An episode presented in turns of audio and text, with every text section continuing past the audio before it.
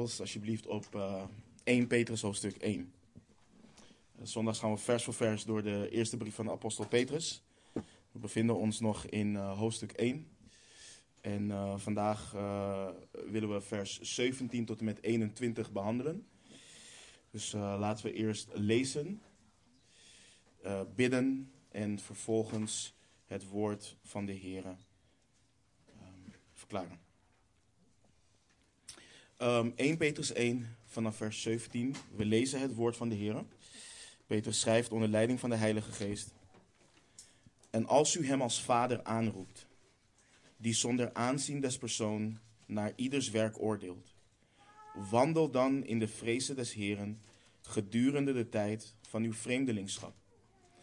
In de wetenschap dat u niet met vergankelijke dingen, zilver of goud, vrijgekocht bent van uw zinloze levenswandel die u door de vaderen overgeleverd is, maar met het kostbaar bloed van Christus als van een smetteloos en onbevlekt lam. Hij is wel van tevoren gekend, voor de grondlegging van de wereld, maar in de laatste tijden geopenbaard omwille van u. Door hem gelooft u in God, die hem opgewekt heeft uit de doden en hem heerlijkheid gegeven heeft, zodat uw geloof en hoop op God gericht zijn. Tot zover, laten we bidden.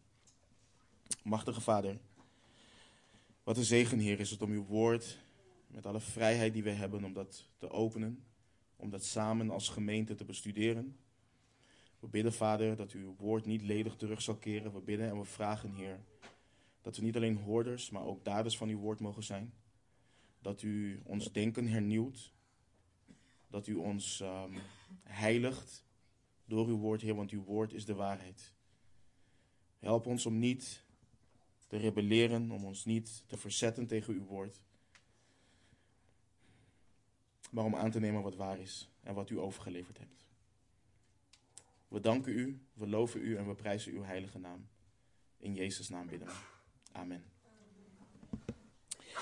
De afgelopen drie weken uh, zijn we gedoken in vers 14 tot en met 16.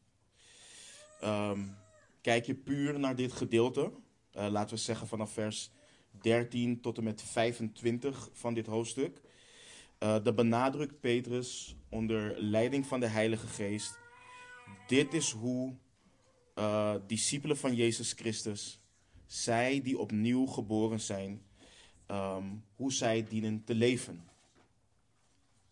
Hoe zij nu dienen te leven in het licht van de genade wat hen ten deel is gevallen. In vers 13 liet Petrus weten dat we volkomen moeten hopen. We moeten hopen zonder te wankelen op de genade die ons gebracht gaat worden in de openbaring van Jezus Christus. Discipelen van de Heer Jezus worden aangespoord om te leven met de vaste en zekere hoop op de genade die hen gebracht wordt bij de komst van Jezus Christus. Dit doe je niet door te duimen. Dit doe je niet in onzekerheid, twijfelend of het wel of niet gaat gebeuren. Nee, je hebt zekerheid hierin.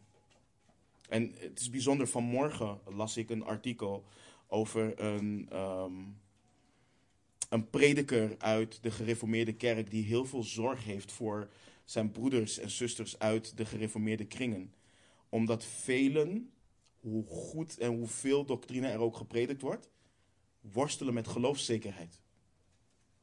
Ze worstelen gewoon met geloofszekerheid. Zal ik de genade ontvangen wanneer Christus komt? En het woord van God is ons niet gegeven opdat we zouden twijfelen, maar juist opdat we zekerheid mogen hebben. En dat is ook wat Petrus ons leert. En daarom doen we dit ook. Daarom hopen we met de lendelen van ons verstand omgord. Het begint in ons verstand. Mentaal zet, zet je je hoop op die genade omdat God die waarheid heeft geopenbaard. Je bereidt je gedachten continu voor om de strijd aan te gaan tegen alles wat jou belemmert om te hopen. En laat het laat het zeker zijn en helder voor ons allen zijn Dat het niet betekent dat we zonde kunnen onderdrukken en denken: oké, ik heb zekerheid. Nee, dat is niet wat het ons leert. Maar het leert ons wel dat we zekerheid kunnen hebben en dat we alles, alle leugens die er ook maar zijn, die tegen Gods waarheid ingaan, dat we daar actief in ons verstand tegen moeten strijden. Actief tegen moeten strijden. Dus als mensen komen van ja, maar heb je die ervaring wel gehad? Nee, God heeft gezegd in zijn woord dat allen die de naam van Christus aanroepen, dat zij niet beschaamd zullen worden. Dat is waarop ik sta. Dat is wat Petrus ons leert om te doen. Dus heb je te maken met leugenachtige gedachten die je plagen, dan dien je die gevangen te nemen en ze in gehoorzaamheid te brengen aan Christus. En dit is iets wat we dienen te benadrukken.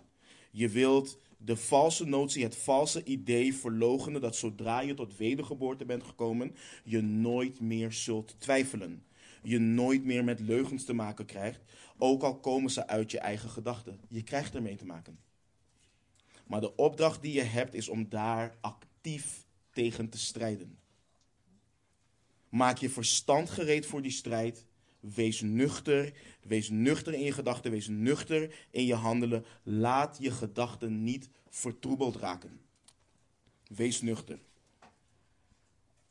En Petrus nam zijn lezers mee en hij riep hen op om heilig te worden in heel hun levenswandel. Want hij, dat is de levende God, die zijn kinderen geroepen heeft, hij is heilig. We hebben daarbij stilgestaan. We hebben stilgestaan bij wat dat betekent. Dat het betekent dat God apart is, afgesneden van alles. Hoog en verheven, puur en rein. Er is geen enkele vorm van duisternis in hem. Hij is volledig vrij van zonde. Hij is niet als deze wereld. En hij is ook volledig toegewijd aan zichzelf. Hij is volledig toegewijd aan de eer en glorie van zijn naam. En ook wij als discipelen horen dat te zijn. Ook wij horen niet als deze wereld te zijn. Ook wij horen niet gekenmerkt te worden door de dingen die deze wereld kenmerken. Maar we horen gekenmerkt te worden door wie God is en onze toewijding aan Hem. En daarom dienen we dus niet gelijkvormig te worden aan wat ons vroeger kenmerkte. We dienen ons niet te identificeren met onze vroegere begeerten. We dienen niet gevormd daardoor te worden. Want die oude persoon, de oude ik, die is dood. Die leeft niet meer. Die is gekruisigd met Christus. En nu, broeders, we hebben behandeld wat de motivatie is voor, en zusters, voor heilig leven. Dat is God zelf. Hij die heilig is. Maar Petrus geeft nog meer redenen en hij geeft nog meer aansporingen in onze versen van vandaag. Hij benadrukt wat onze houding dient te zijn in het heilig wandelen. Want nogmaals, niet wij definiëren wat heiligheid is. God definieert het in zijn woord en we doen er goed aan om daar acht op te slaan. Vers 17. Petrus schrijft: En als u hem als vader aanroept, die zonder aanzien des persoons naar ieders werk oordeelt, wandel dan in de vrezen des Heren gedurende de tijd van uw vreemdelingschap. Petrus begint. En als u hem als vader aanroept. Ik wil iedere discipel, allen die uit genade door het geloof opnieuw geboren zijn, herinneren aan het volgende en bemoedigen ook met het volgende. God is jouw vader. Hij is jouw vader. Hij is jouw hemelse vader. Ik weet dat het voor velen in kerken als die van ons moeilijk is om daarbij stil te staan. We hebben namelijk de neiging om de Heere God op zo'n manier te omschrijven dat we vergeten en niet denken aan het feit dat Hij ook onze liefdevolle Vader is.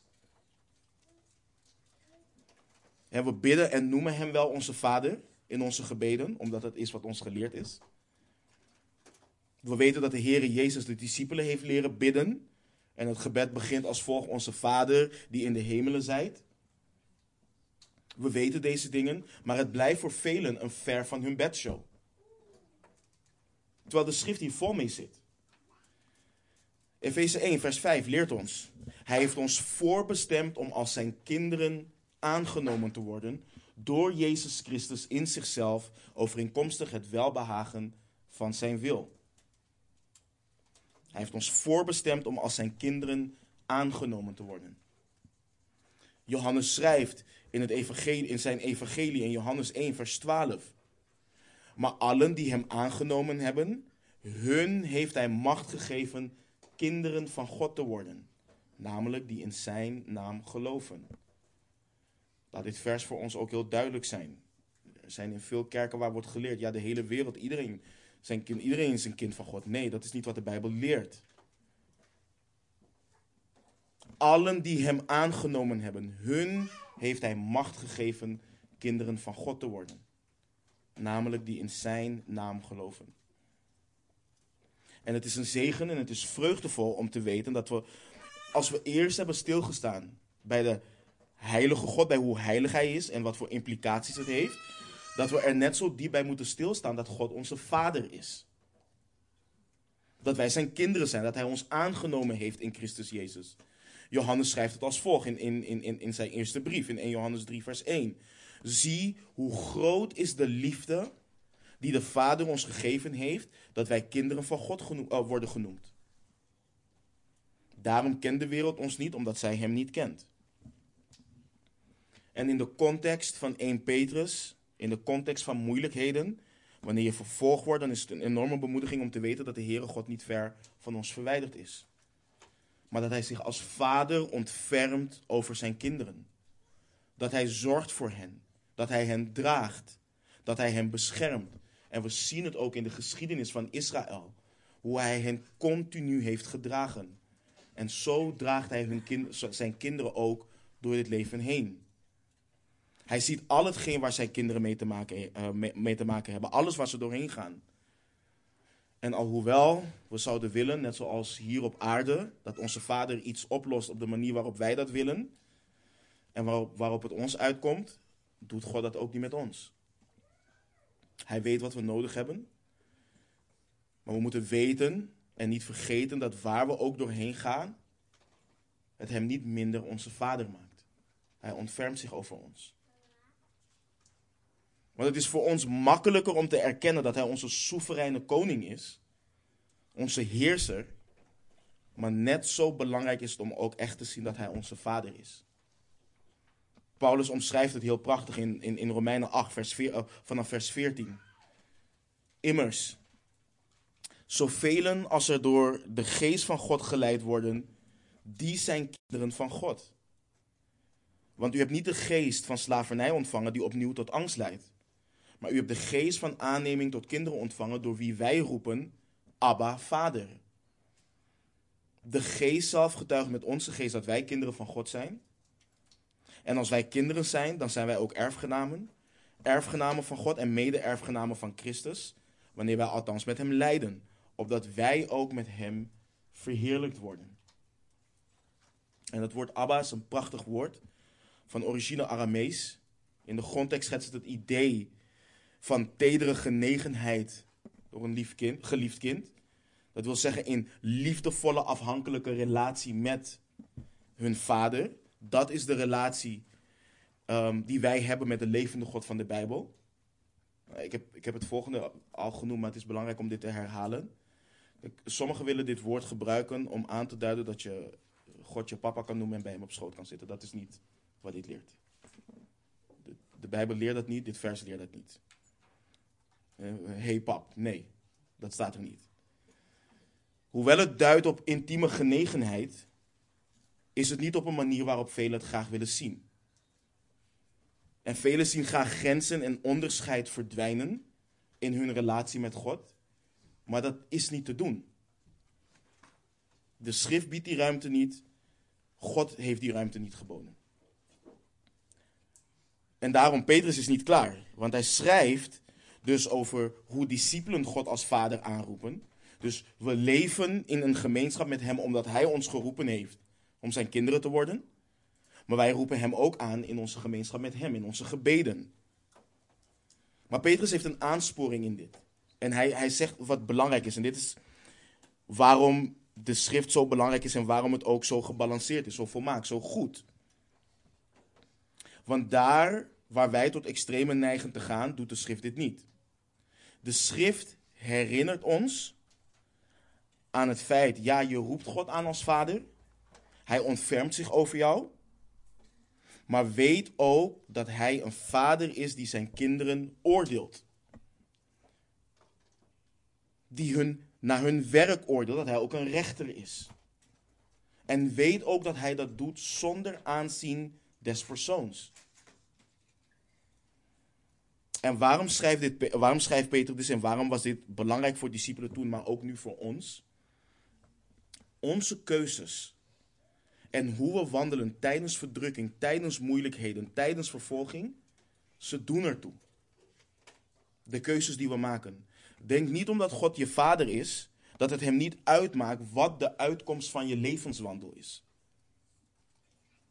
Denk niet dat omdat hij je vader is en je hem aanroept als vader, je kunt leven zoals je wil.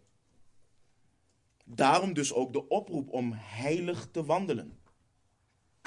Het is niet zo dat God even wegkijkt. Dat hij zoiets heeft van, weet je, dat is mijn kind, mijn zoon is voor hem aan het kruis gegaan, of voor haar aan het kruis gegaan, vanaf nu zie ik alles door de vingers. Nee, de schrift leert dat niet. Als wij als aardse vaders, hoeveel wij ook van onze kinderen houden, onze kinderen verantwoordelijk houden voor de keuzes die ze maken, hoeveel te meer zal onze hemelse vader die volmaakt is, ook ons niet verantwoordelijk houden voor de keuzes die wij maken als zijn kinderen. Want dit is hetgeen wat we moeten begrijpen. Dit moet gezien worden in het licht van alles wat we in de eerste twaalf versen hebben gelezen en behandeld. We zijn uitverkoren. Niets kan ons rukken uit de handen van God. We zijn opnieuw geboren, voor eeuwig zijn kinderen. En dat is ook hoe hij over onze werken zal oordelen. Want velen hebben deze tekst gebruikt, of beter gezegd misbruikt, om discipelen van Christus angst aan te jagen. Om ze te dwingen, om ze te forceren tot een heilige wandel en het produceren van vrucht. Want hé, hey, als je niet volmaakt wandelt, dan zul je verloren gaan. Dus doe al deze dingen die wij je opleggen, dan heb je zekerheid. Maar laat het volgende duidelijk zijn. Dat is niet wat dit vers leert. Maar er is nog een ander extreme wat hieraan gekoppeld is. En dat is dat God zijn kinderen helemaal niet oordeelt. Dat hij helemaal niet omkijkt naar hen. Ook niet in dit leven. Dat hij ze helemaal niet kastijdt, ze straft en ze terechtwijst. Maar de schrift leert ons van wel. Hebreeën 12 leert ons als, als volgt vanaf vers 6 tot en met 9. Want de Heere bestraft wie hij lief heeft en hij geestelt iedere zoon die hij aanneemt. Als u bestraffing verdraagt, behandelt God u als kinderen. Want welk kind is er dat niet door zijn vader bestraft wordt? Maar als u zonder bestraffing bent, waar allen deel aan hebben gekregen, bent u bastaarden en geen kinderen. En verder hebben wij onze aardse vaders als opvoeders en wij hadden ontzag voor hen zullen wij ons dan niet veel meer onderwerpen aan de Vader van de geesten en leven? Als je het woord geestelen neemt in het Grieks, dan schetst het het idee dat God hevige pijn stuurt in het beste en eeuwige belang van zijn kind. En hier wordt veel over gediscussieerd. Hoe ziet dat er tegenwoordig uit? Kunnen we weten wanneer God ons straft of ons geestelt? Eén ding weet ik, de eerste kerk wist het. De eerste kerk wist het. Zij wisten dat Ananias en Safira geoordeeld werden door God. Ze wisten het. Paulus wist waarom er onder de Corinthiërs veel zwakke, zieken, ontslapenen waren. Hij wist het.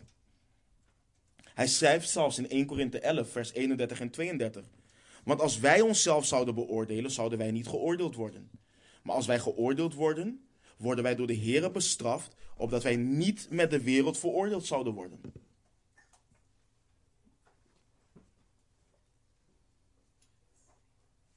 Houd dit nu in dat we achter elke ziekte of elke vorm van ellende in het leven van een discipel of alles wat moeilijk gaat, Gods bestraffing moeten gaan zoeken? Nee. En dat is waar veel kerken mensen mee beschadigen. En dat is ook waar veel verwarring ontstaat. En het is belangrijk om dit helder te hebben. De gedachte, is dit mij overkomen omdat ik in het verleden X, Y, Z gedaan heb? En dit gaat bij discipelen door tot op microniveau. Tot, tot in de kleinste dingen. Kan ik nu geen nieuwe baan vinden omdat ik vroeger een baan heb gekozen die niet in Gods wil was? Zo ver gaat dat tegenwoordig. Straf God mij met mijn kind of kinderen of met mijn partner omdat ik in het ver verleden X, Y, Z heb gedaan. Dat zijn de gedachten die er zijn. En er is een duidelijk verschil in het volgende. Kijk, jouw zonden, de straf daarvan is gedragen aan het kruis door de Heere Jezus Christus. De Heere heeft de ongerechtigheid van ons allen op Hem doen neerkomen. De straf die ons de vrede aanbrengt was op Hem. We citeren het allemaal wanneer we Jesaja 53 lezen. Al jouw zonden zijn aan het kruis genageld. Alles. Ik herhaal, de prijs die betaald moest worden, de straf die op je was voor jouw zonde, die is betaald door de Heere Jezus Christus. Leef je nu als discipel in zonde, dan zal God je kastijden. Dan zal Hij je straffen. Dan zal Hij je terechtwijzen. Dan doet Hij er alles aan om je terecht te brengen. Dat onderscheid moeten we helder hebben. Al je zonde, daarvoor is betaald. Hij heeft alles gedragen aan het kruis. Maar denk niet dat als je nu welwillend in zonde leeft, dat hij je niet bestraft. Want dat doet hij. Dat doet hij. En nogmaals, dat onderscheid moet, belang, moet, moet, moet echt helder zijn. Want te vaak citeren mensen bijvoorbeeld dit? Efeze 1, vers 7. In hem, in Christus Jezus, hebben wij de verlossing. Door zijn bloed, namelijk de vergeving van de overtredingen, overeenkomstig de rijkdom van zijn genade. We citeren het. We zeggen dit te geloven. Maar toch hoor je dan dingen als dit. Ja, dit gedeelte, dit, wat mij nu overkomt, daar moet ik nog zelf een boetekleed voor aandoen. En hier zie je hoe menselijk we denken. Want dit, hoe wij naar God kijken, komt voort uit hoe wij zijn als mensen en hoe wij dit ook weer projecteren op God. Wij mensen zeggen dat we de ander hebben vergeven, maar laten mensen alsnog een beetje sudderen in hun schuld. Dat doen wij als mensen. Eh, zien we dat niet in onze huwelijken? Ja, ik heb je vergeven, maar de rest van de dag negeer je elkaar. Dat is, dat is geen vergeving. Je hebt je kinderen vergeven, maar je kind durft nog steeds niet bij je te komen, want je kijkt nog steeds met een schuin oog. Dan heb je niet vergeven. Je hebt je broeder en zuster vergeven, maar toch ga je je broeder of zuster uit de weg. Dan heb je niet vergeven. En dit is ook hoe wij dit projecteren op God. Oké, ja, hij zegt dat hij ons heeft vergeven. Maar misschien laat hij dit toch nog even door, zodat ik echt even datgene voel wat ik moet voelen. En dat is God een mens maken. En we moeten niet denken dat hij als ons is. God is geen mens die liegen kan. Als er staat in de schrift, als wij onze zonde beleiden, is hij getrouw en rechtvaardig om ons de zonde te vergeven en ons schoon te wassen van al onze ongerechtigheden, dan moeten we geloven wat er staat. Dan moeten we aannemen wat er staat.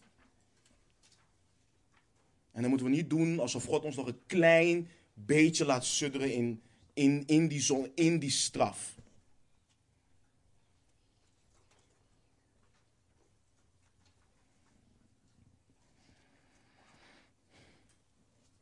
Onze zonden zijn uitgewist. En van sommige zonden die uitgewist zijn, moet je wellicht de rest van je leven met de consequenties dealen. Dat kan ook. Maar ze zijn uitgewist. Maar weet vast en zeker dat je als zijn kind in zonde leeft, dat hij je zal kastijden, hij je zal geestelen, hij je zal terechtbrengen. Want hij oordeelt ons naar onze werken. Niet alleen in dit leven hier en nu. Wij allen, alle discipelen van de Heer Jezus Christus, zullen rekenschap afgeven voor ons leven.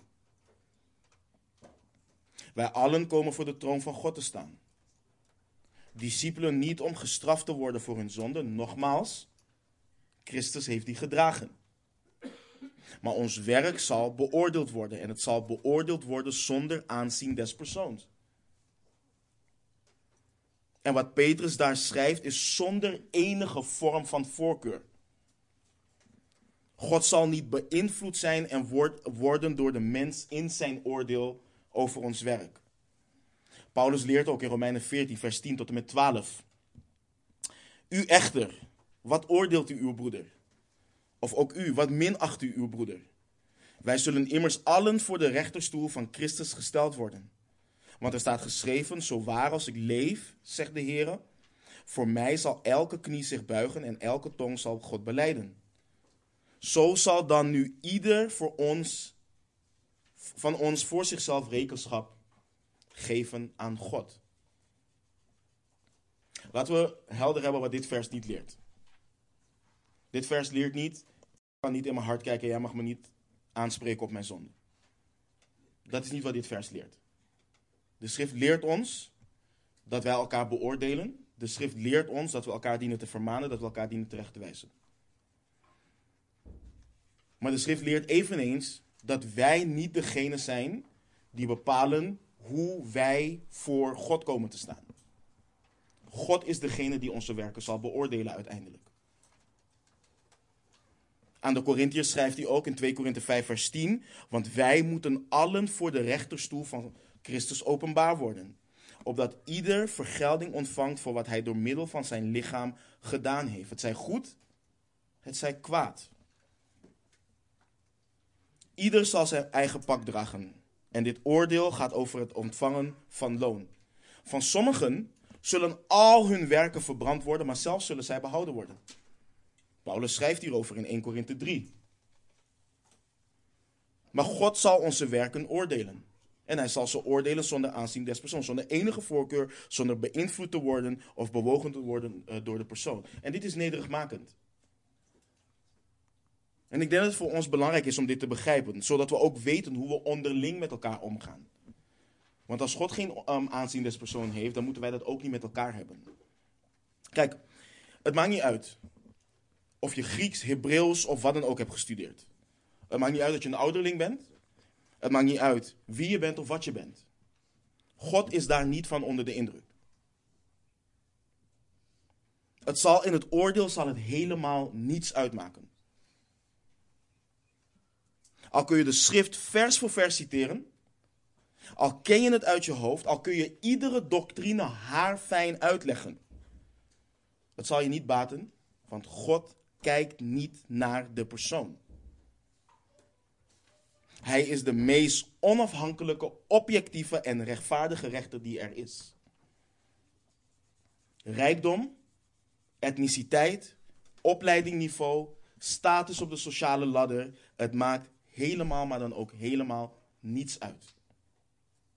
Niets. Betekende dat dat we dan als leeghoofden zonder doctrine door het leven moeten gaan? Nee. Studeer je doctrine. Verdiep je erin. En ja, doe een studie Grieks of Hebreeuws. Maar denk niet dat dat je werken zal behouden.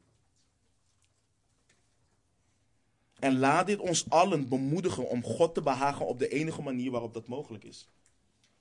Door het geloof. Door het geloof. Zonder geloof is het onmogelijk om God te behagen. Maar wanneer je dit niet begrijpt, dan ga je denken en handelen op een manier om gunst te verdienen in de ogen van God en in de ogen van mensen. Hoe vroeg je opstaat voor je stille tijd, de omhaal van woorden waarmee je bidt, de theologische gesprekken en discussies die je voert en wint. God moet daar toch vast en zeker van onder de indruk zijn. Want daarmee kan ik toch compenseren dat ik gisteren heb gelogen. Of dat ik mijn partner niet lief heb. Dat ik mijn kinderen niet lief heb en ze terg. Dat ik geen eerbied heb voor mijn ouders. Mogen het nooit zo zijn dat we zo denken. God is alleen te behagen met geloof. En om nog meer tot de kern van de betekenis te komen, let op wat Petrus schrijft. Hij oordeelt ieders werk. Het woord werk spreekt niet alleen van je acties, dus puur je handelen. Het spreekt ook van je intentie. Het spreekt ook van de motivatie van de dingen waarachter je, die, achter de dingen die je doet. En laten we onszelf remmen in het volgende om te gaan filosoferen over iedere actie en intentie achter die actie. Het komt simpelweg neer op dit. Zij die leven tot eer en glorie van God, doen hun werken tot eer en glorie van God. Zo simpel is het. Heb je liefde voor God, dan heb je liefde voor de broeders en zusters, heb je liefde voor de samenkomst en ben je er. Omdat je je broeders en zusters wilt zien. Omdat je samen deelt in hetgeen wat God heeft gegeven en hem samen daarvoor de eer en glorie wilt geven. Niet omdat je denkt, ik heb zoveel samenkomsten afgetikt en God vindt dat goed. Zo simpel is het. Leef ik tot eer en glorie van Hem, dan doe ik alles tot eer en glorie van Hem. En het, en het tegenovergestelde is ook weer waar. Het simpele is dit: we kunnen en we moeten niet denken dat we zowel voor Zijn eer en glorie kunnen leven als die van onszelf. Het gaat niet samen. Of je doet iets omdat het jou behaagt, of je doet iets door het geloof om God te behagen. God deelt zijn eer en glorie niet.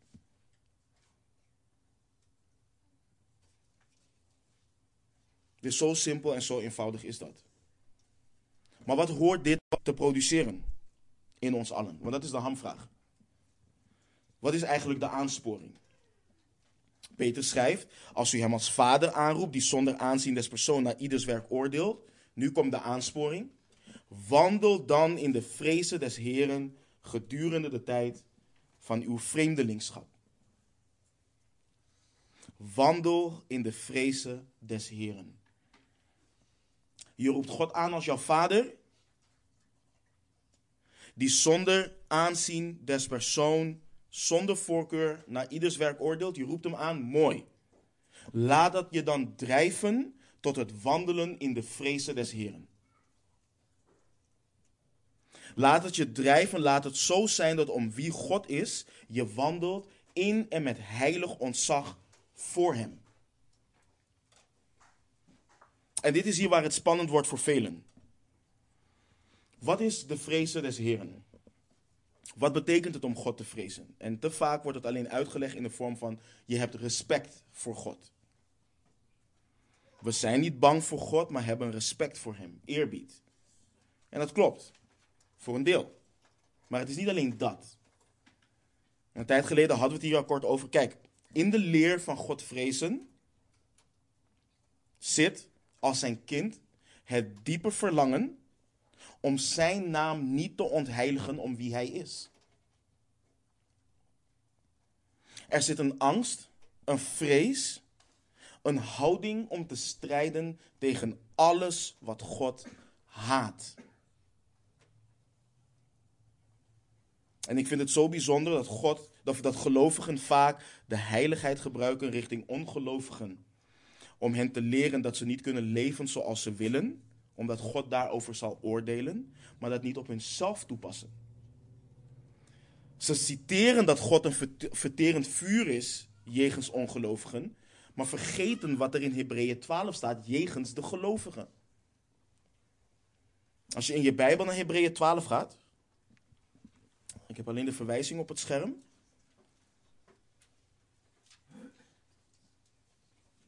Wil ik lezen met jullie vanaf vers 12. En besef dat dit geschreven is richting de heiligen. Dit gaat niet over de ongelovigen, dit gaat over de heiligen.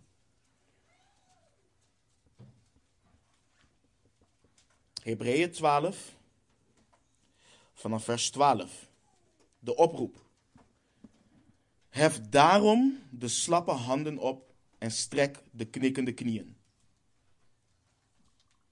En maak rechte sporen voor uw voeten, opdat wat kreupel is, niet wordt ontwricht, maar veel eer genezen wordt. Jaag de vrede na met allen en de heiliging, zonder welke niemand de Heere zal zien. Zie erop toe dat niemand achterop raakt in de genade van God en dat er geen enkele wortel van bitterheid opschiet en onrust veroorzaakt, zodat daardoor velen bezoedeld worden. Laat niemand een ontuchtpleger zijn of een onheilige zoals Esau, die voor één enkele maaltijd zijn eerstgeboorterecht verkocht. Want u weet dat hij ook daarna, toen hij de zegen wilde erven, verworpen werd. Want hij vond geen plaats van berouw, hoewel hij de zegen vurig en met tranen zocht. Want u bent niet tot een tastbare berg genaderd. En tot een brandend vuur, tot donkerheid, duisternis en stormwind, tot bazuingeschal en het geluid van woorden. Zij die dat hoorden smeekten dat het woord niet meer, niet meer tot hen gericht zou worden. Want zij konden wat hun beloven werd niet verdragen. Zelfs als een dier de berg aanraakt, zal het gestenigd of met een pijl doorschoten worden. En wat zij zagen was zo verschrikkelijk dat Mozes zei: Ik ben zeer bevreesd en sta te beven. Oké, tot, zo, tot zover. We gaan verder. Maar we zien hoe ontzagwekkend wordt, wordt beschreven, wat, wat dit wordt beschreven. We zien het. En dit gaat over Israël. Ze stonden te beven. Mozes zegt: Ik ben zeer bevreesd en sta te beven. En nu gaan we verder. Maar u, u bent genaderd tot de berg Sion. En tot de stad van de levende God. Tot het hemelse Jeruzalem en tot tienduizendtallen van engelen tot een feestelijke vergadering en de gemeente van de eerstgeborenen die in de hemelen opgeschreven zijn, en tot God, de rechter over, over allen, en tot de geesten van de rechtvaardigen die tot volmaaktheid zijn gekomen, en tot de middelaar van het nieuwe verbond, Jezus, en tot het bloed van de besprenkeling die van betere dingen spreekt dan dat van Abel. Let erop dan, let er dan op dat u hem die spreekt niet verwerpt. Want als zij niet zijn ontkomen die hem verwierpen, die op aarde aanwijzingen van God deed horen, veel meer zullen wij niet ontkomen als wij ons afkeren van hem die, die vanuit de hemelen spreekt.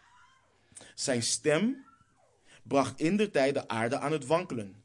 Nu echter heeft hij openlijk verkondigd, nog eenmaal zal ik niet alleen de aarde, maar ook de hemel doen beven. Dit nog eenmaal duidt op de verandering van de dingen die kunnen wankelen als van dingen die gemaakt zijn, opdat, dingen, opdat de dingen die onwankelbaar zijn, zouden blijven. Aansporing. Laten wij daarom, omdat wij een onwankelbaar koninkrijk ontvangen, aan de genade vasthouden en daardoor God dienen op een hem welgevallige wijze, met ontzag en eerbied. Waarom? Want onze God is een verterend vuur.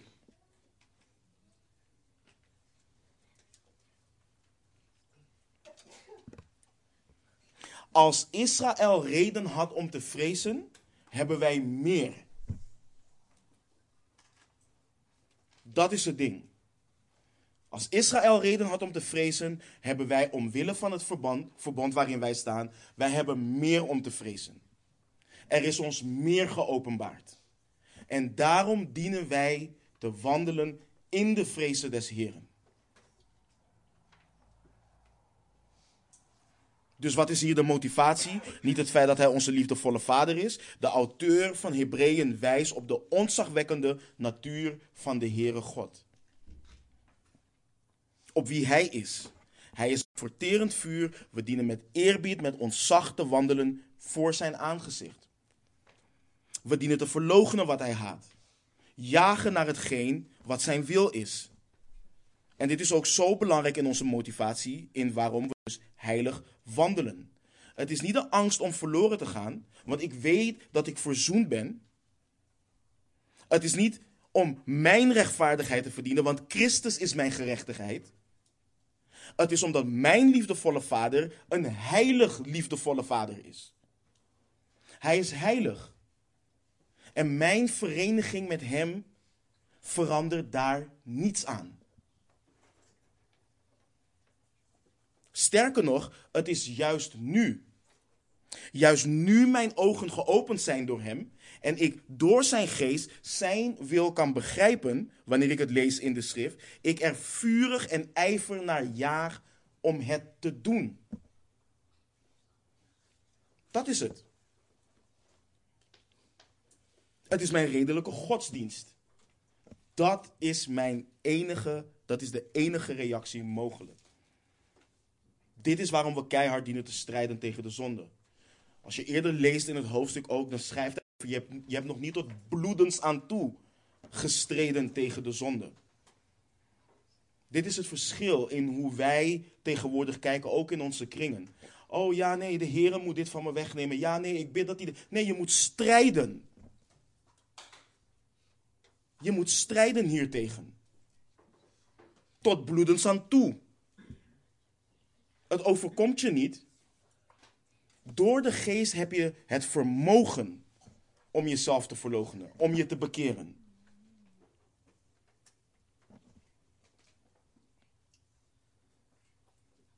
En laat het daarom aan allen duidelijk zijn. Ook al ken je niet alle doctrines van de schrift, hoe jong je ook bent in je geloof, hoe lang je ook wandelt met de Heer, wandelen in de vrezen des Heren wordt aan allen opgedragen. Dat is de redelijke godsdienst van iedere discipel. Je bent gegrepen, je bent geroepen door Hem die zo ontzagwekkend is dat uit Zijn troon bliksemstralen, donderslagen en stemmen komen. Er zijn dieren rondom Zijn troon die dag en nacht geen rust hebben. Ze leven. Leven om heilig, heilig, heilig te roepen rondom Zijn troon.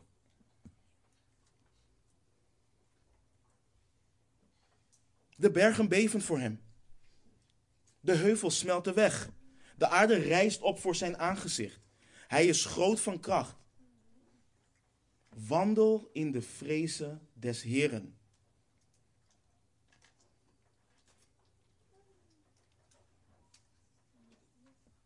Petrus roept op om God te vrezen, om eerbiedig ontzag voor Hem te hebben. Dat is onder andere hoe en waarom je heilig wandelt, met vrees voor Hem. Om wie Hij is. Want de vrees des Heren is het beginsel van de kennis. Jagen we dat na, dan zullen we inzicht vermeerderen. Dan zullen we wijze raad verwerven. Dan zullen we de kennis van God vinden, want Hij geeft immers wijsheid. Uit Zijn mond komen kennis en inzicht. Het is alleen wanneer en omdat je de Heere vrees, je zult afkeren van het kwade.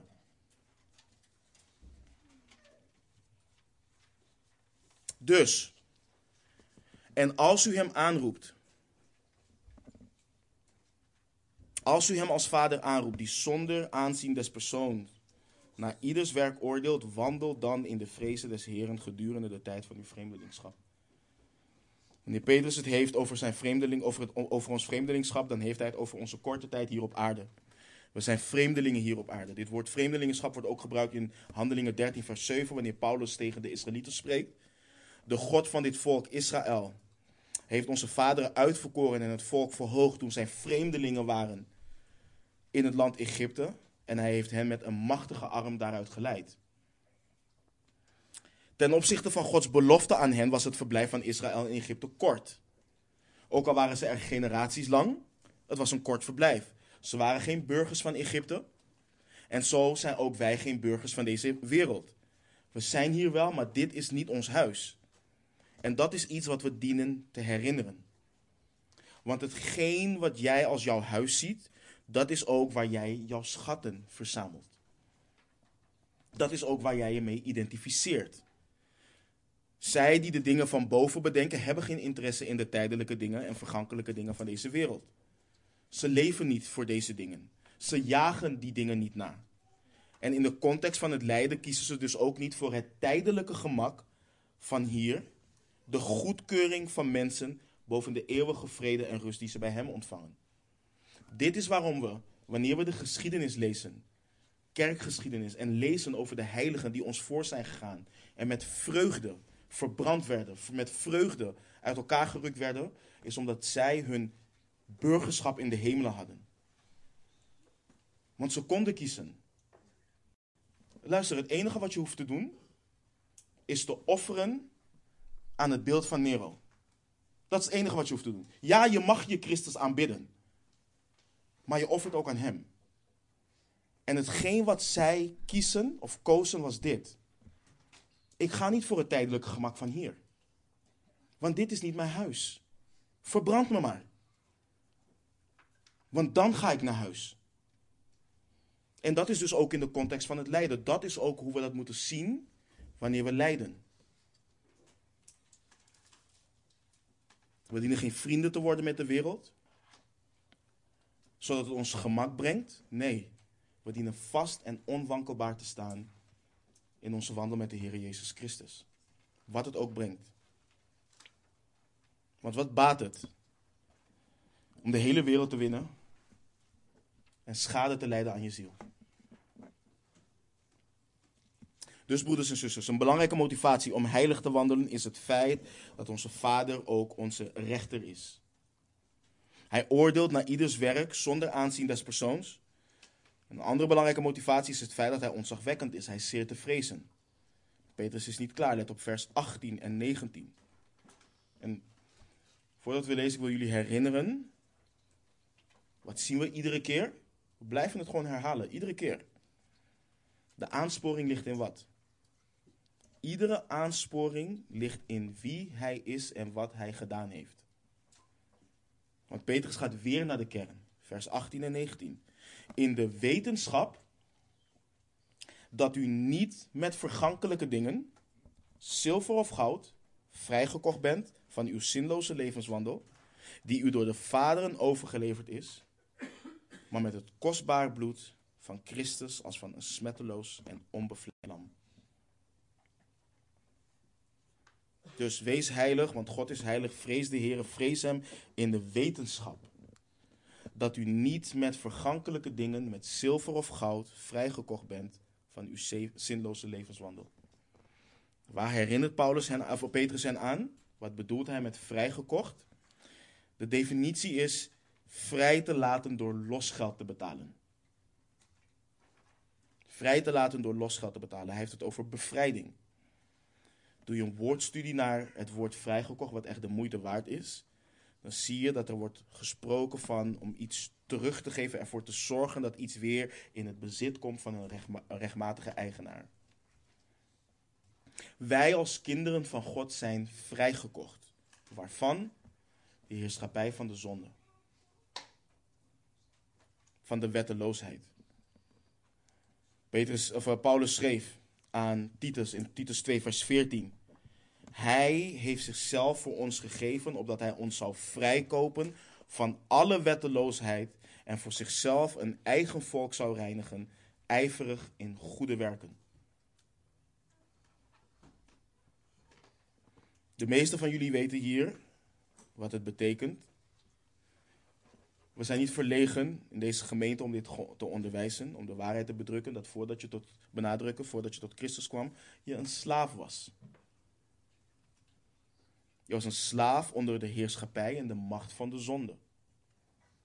Je was gebonden om de wil van het vlees te doen. Het was jouw natuurlijke reactie. En het is goed om te weten, kijk, voor ons is dit simpelweg een theologisch woord wat we bestuderen.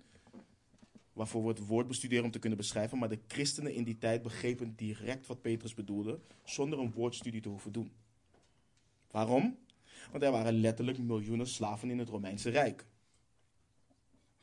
En hoewel sommige slaven goed behandeld werden door hun meesters, had een slaaf juridisch gezien geen rechten en werd hij vaak gewoon gelijkwaardig als een dier beschouwd. De meester kon zijn slaaf ernstig mishandelen als hij dat wilde, omdat de slaaf de eigenaar was van de meester. En daarom vind ik het ook we hebben, toen we in Filippenzen hebben we hier een hele studie aan gewijd. Ik heb moeite met het feit dat er in, het, in de schrift staat dienaar of dienstknecht. Er staat gewoon slaaf in de grondtekst.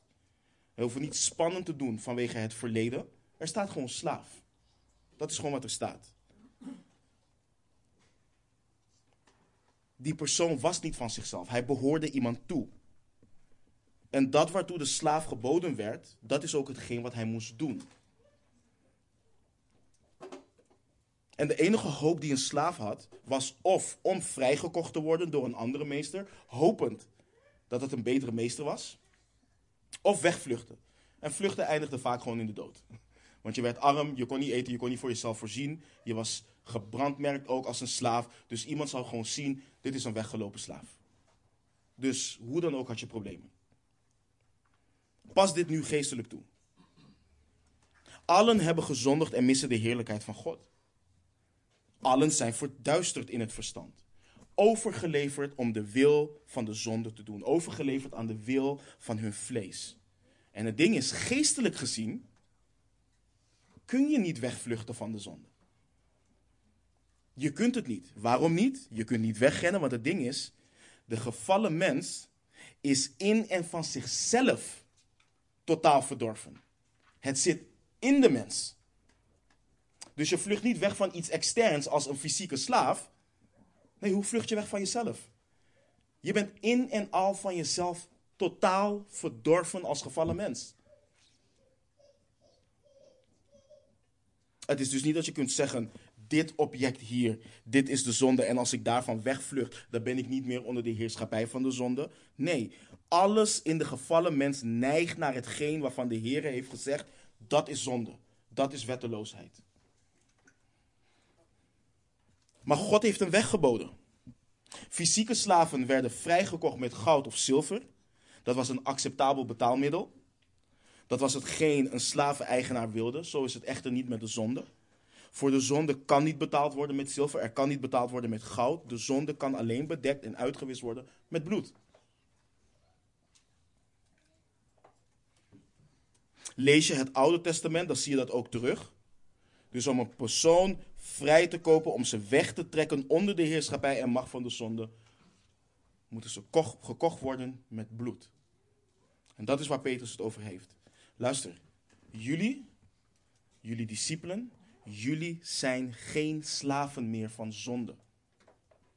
Jullie zijn vrijgekocht, vrijgemaakt. Het kostbaar bloed van Christus, wat onvergankelijk is, daarmee zijn jullie vrijgekocht. Jezus heeft zijn eigen leven gegeven. Hij heeft zijn bloed laten vloeien aan het kruis op Golgotha om jullie vrij te kopen. Dus, de zonde heeft geen macht meer over jullie. Jullie zijn niet meer het eigendom van de zonde. Jullie zijn niet meer onderhevig aan de zinloze levenswandel die jullie overgeleverd is door de vaderen. Jullie zijn jullie vlees niets, maar dan ook niets meer verschuldigd. Jullie hebben een nieuwe Heer, een nieuwe Meester. En dit idee, deze motivatie om heilig te wandelen, wat ligt in het verlossingswerk van de Heer Jezus Christus, daar refereert de apostel Paulus ook aan, of naar, wanneer hij schrijft aan de Corinthiërs. Let op, in 1 Korinthe 6, vers 18. Vlucht weg van de hoererij. Elke zonde die een mens doet, is buiten het lichaam, maar wie hoererij bedrijft, zondigt tegen zijn eigen lichaam. Of weet u niet dat uw lichaam een tempel is van de Heilige Geest die in u is en die u van God hebt ontvangen, en dat u niet van uzelf bent? U bent immers duur gekocht. Verheerlijk daarom. Zien we het woord daarom? Dat wijst weer op het vorige wat we hebben gelezen. Verheerlijk daarom God in uw lichaam en in uw geest die van God zijn. Genade is gratis. Maar we zijn duur gekocht. We zijn duur gekocht. Nu behoren we onze rechtmatige eigenaar toe. De heilige God. En hij heeft zijn heilige zoon als losprijs voor ons gegeven. Jezus Christus, het lam van God, is geslacht voor ons. En let op hoe Christus wordt omschreven. Dit is ook waarom zijn offer volkomen toereikend was. Hij was smetteloos, onbevlekt, zonder enige zonde. Door hem is de grip die de zonde op ons had losgemaakt. De verduistering van ons verstand en onze ogen weggenomen.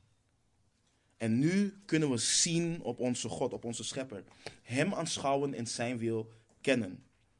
Hij heeft ons verlichte ogen van ons verstand gegeven, onze ogen geopend, ons levend gemaakt. En we zien zijn heerlijkheid in zijn zoon en willen, maar niet alleen willen.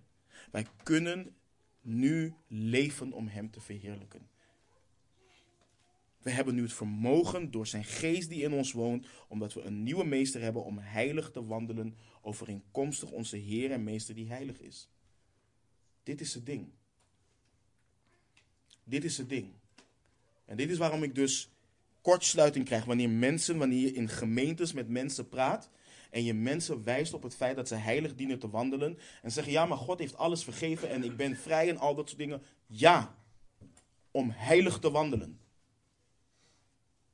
Om heilig te wandelen. Daarvoor ben je vrijgekocht.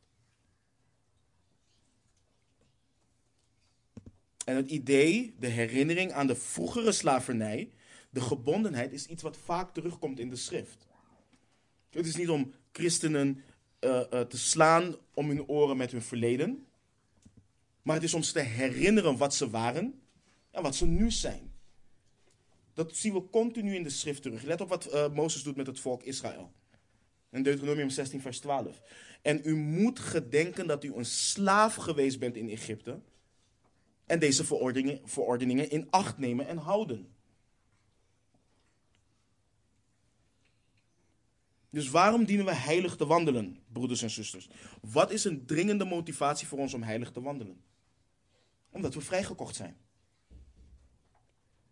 We waren slaven, maar de Zoon des Mensen heeft ons waarlijk vrijgemaakt.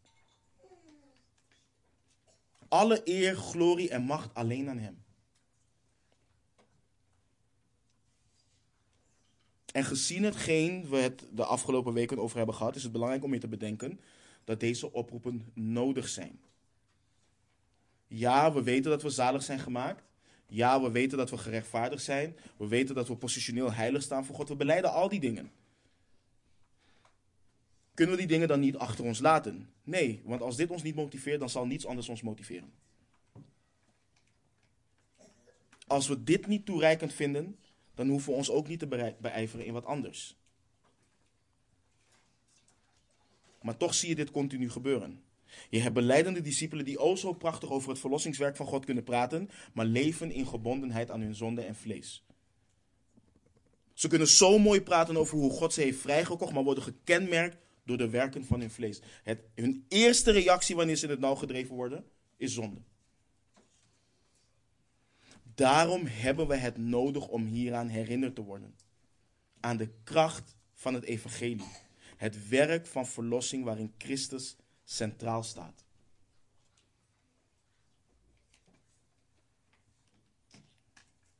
Want wat schrijft Petrus? Hij is wel van tevoren gekend voor de grondlegging van de wereld, maar in de laatste tijden geopenbaard omwille van u.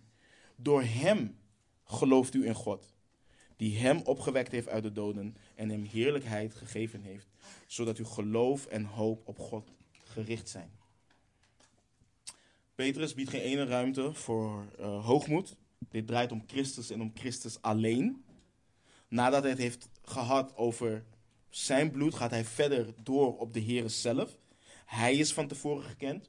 Voor de grondlegging van de wereld. Het offer van Christus was geen improvisatie van, ons, improvisatie van onze Heere God. Het was geen nagedachte. Het was niet alsof hij zag hoe alles liep op een gegeven moment en dacht: oké, dit is wat ik ga doen. Christus is gekend voor de grondlegging van de wereld. Bestond in alle eeuwigheid. Bekleed met glorie en heerlijkheid. In alle eeuwigheid was al besloten dat het zijn bloed zou zijn waarmee de kinderen van God vrijgekocht zouden worden. En Petrus zei dat ook tijdens de vervulling van het Pinksterfeest als volgt in Handelingen 2, vers 23. Deze Jezus, die overeenkomstig het vastgestelde raadsbesluit en de voorkennis van God overgegeven is, hebt u gevangen genomen en door de handen van onrechtvaardigen aan het kruis gespijkerd en gedood.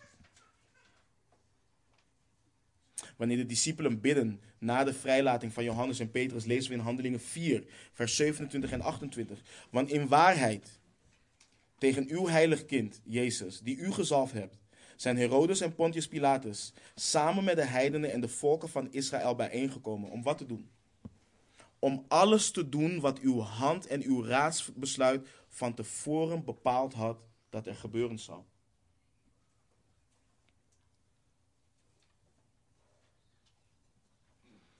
Let op wat Petrus nog meer schrijft.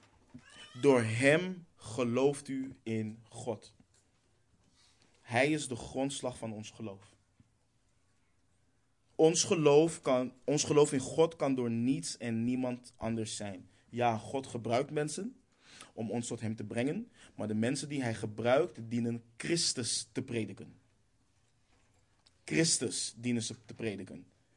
Geen vijf stappen tot een goed leven. Geen Hij maakt je leven beter. Christus. En die gekruisigd. Die dienen ze te prediken. Want het is alleen door Hem dat je waarlijk in God kan geloven. Hij is de weg, de waarheid in het leven. Hij is de leidsman en voleinder van het geloof. De Heere Jezus zei, Johannes 10, vers 9, ik ben de deur. Als iemand door mij naar binnen gaat, zal hij behouden worden en hij zal ingaan en uitgaan en weide vinden. God heeft zijn zoon uit de doden opgewekt en hem de heerlijkheid gegeven die hij bezat voordat de wereld er was. Het is met het doel zodat uw geloof en hoop op God gericht zijn. Niet op mensen, niet op je omstandigheden, niet op jezelf, maar op Hem die jou en mij in Christus voor de grondlegging van de wereld heeft uitverkoren. Mogen het zo zijn dat we door de genade gevonden in Christus Jezus met vrees voor de heilige God wandelen en Hem verheerlijken. Laten we bidden. Machtige Vader, we danken U, Heer. Want U bent de goede God, Heer, die zo'n werk heeft verzet om ons uit duisternis te trekken. Vader, mogen het zo zijn dat we beseffen in hoeveel genade we staan. En mag het ons ook drijven, Heer, om te beseffen dat we die genade ook dienen door te geven. Dat we heilig dienen te wandelen. Heer, we zijn zo vaak geneigd om te denken dat het alleen in de externe zaken zitten die we kunnen zien. In de oppervlakkige zaken die we kunnen zien. Maar vader, wij kunnen door het geloof in onze Heer Jezus Christus op heilige wijze verzoenen met elkaar. Heilige wijze vergeven. Op heilige wijze verdragen. Op heilige wijze vermanen en vermaning aannemen. En Heer, het is zo vaak dat we ons vlees de overhand laten nemen en dat we roemen in de oppervlakkige en externe zaken wat betreft onze heiliging. Maar we weten wat vrucht van de geest is, Heer. Uw woord leert ons wat dat is. En vader, in plaats van de gedachte te hebben dat we niet in elkaars hart kunnen kijken, laat het zo zijn dat we ons eigen harten beproeven. In alle oprechtheid, in alle eerlijkheid. Dat we waarlijk beproeven, Heer, of we in een gezonde vrees voor U leven. Dat we alle geen waar wat ons vlees wilt, Heer, dat we dat kruisigen en dat we dat verloochenen. En dat we door het geloof in onze Heer Jezus Christus U willen verheerlijken, Heer, wat het ons ook kost. Mogen het zo zijn, Heer, dat wij als broeders en zusters, als gemeente, met onze ogen gericht op onze Heer Jezus Christus en de genade die we hebben ontvangen, maar ook de genade die gebracht gaat worden bij Zijn komst, Heer. Dat we heilig zullen blijven wandelen. Heer, we danken U. Nogmaals, we bidden dat we niet alleen hoorders zijn van uw woord, maar ook daders. In Jezus' naam bidden we. Amen.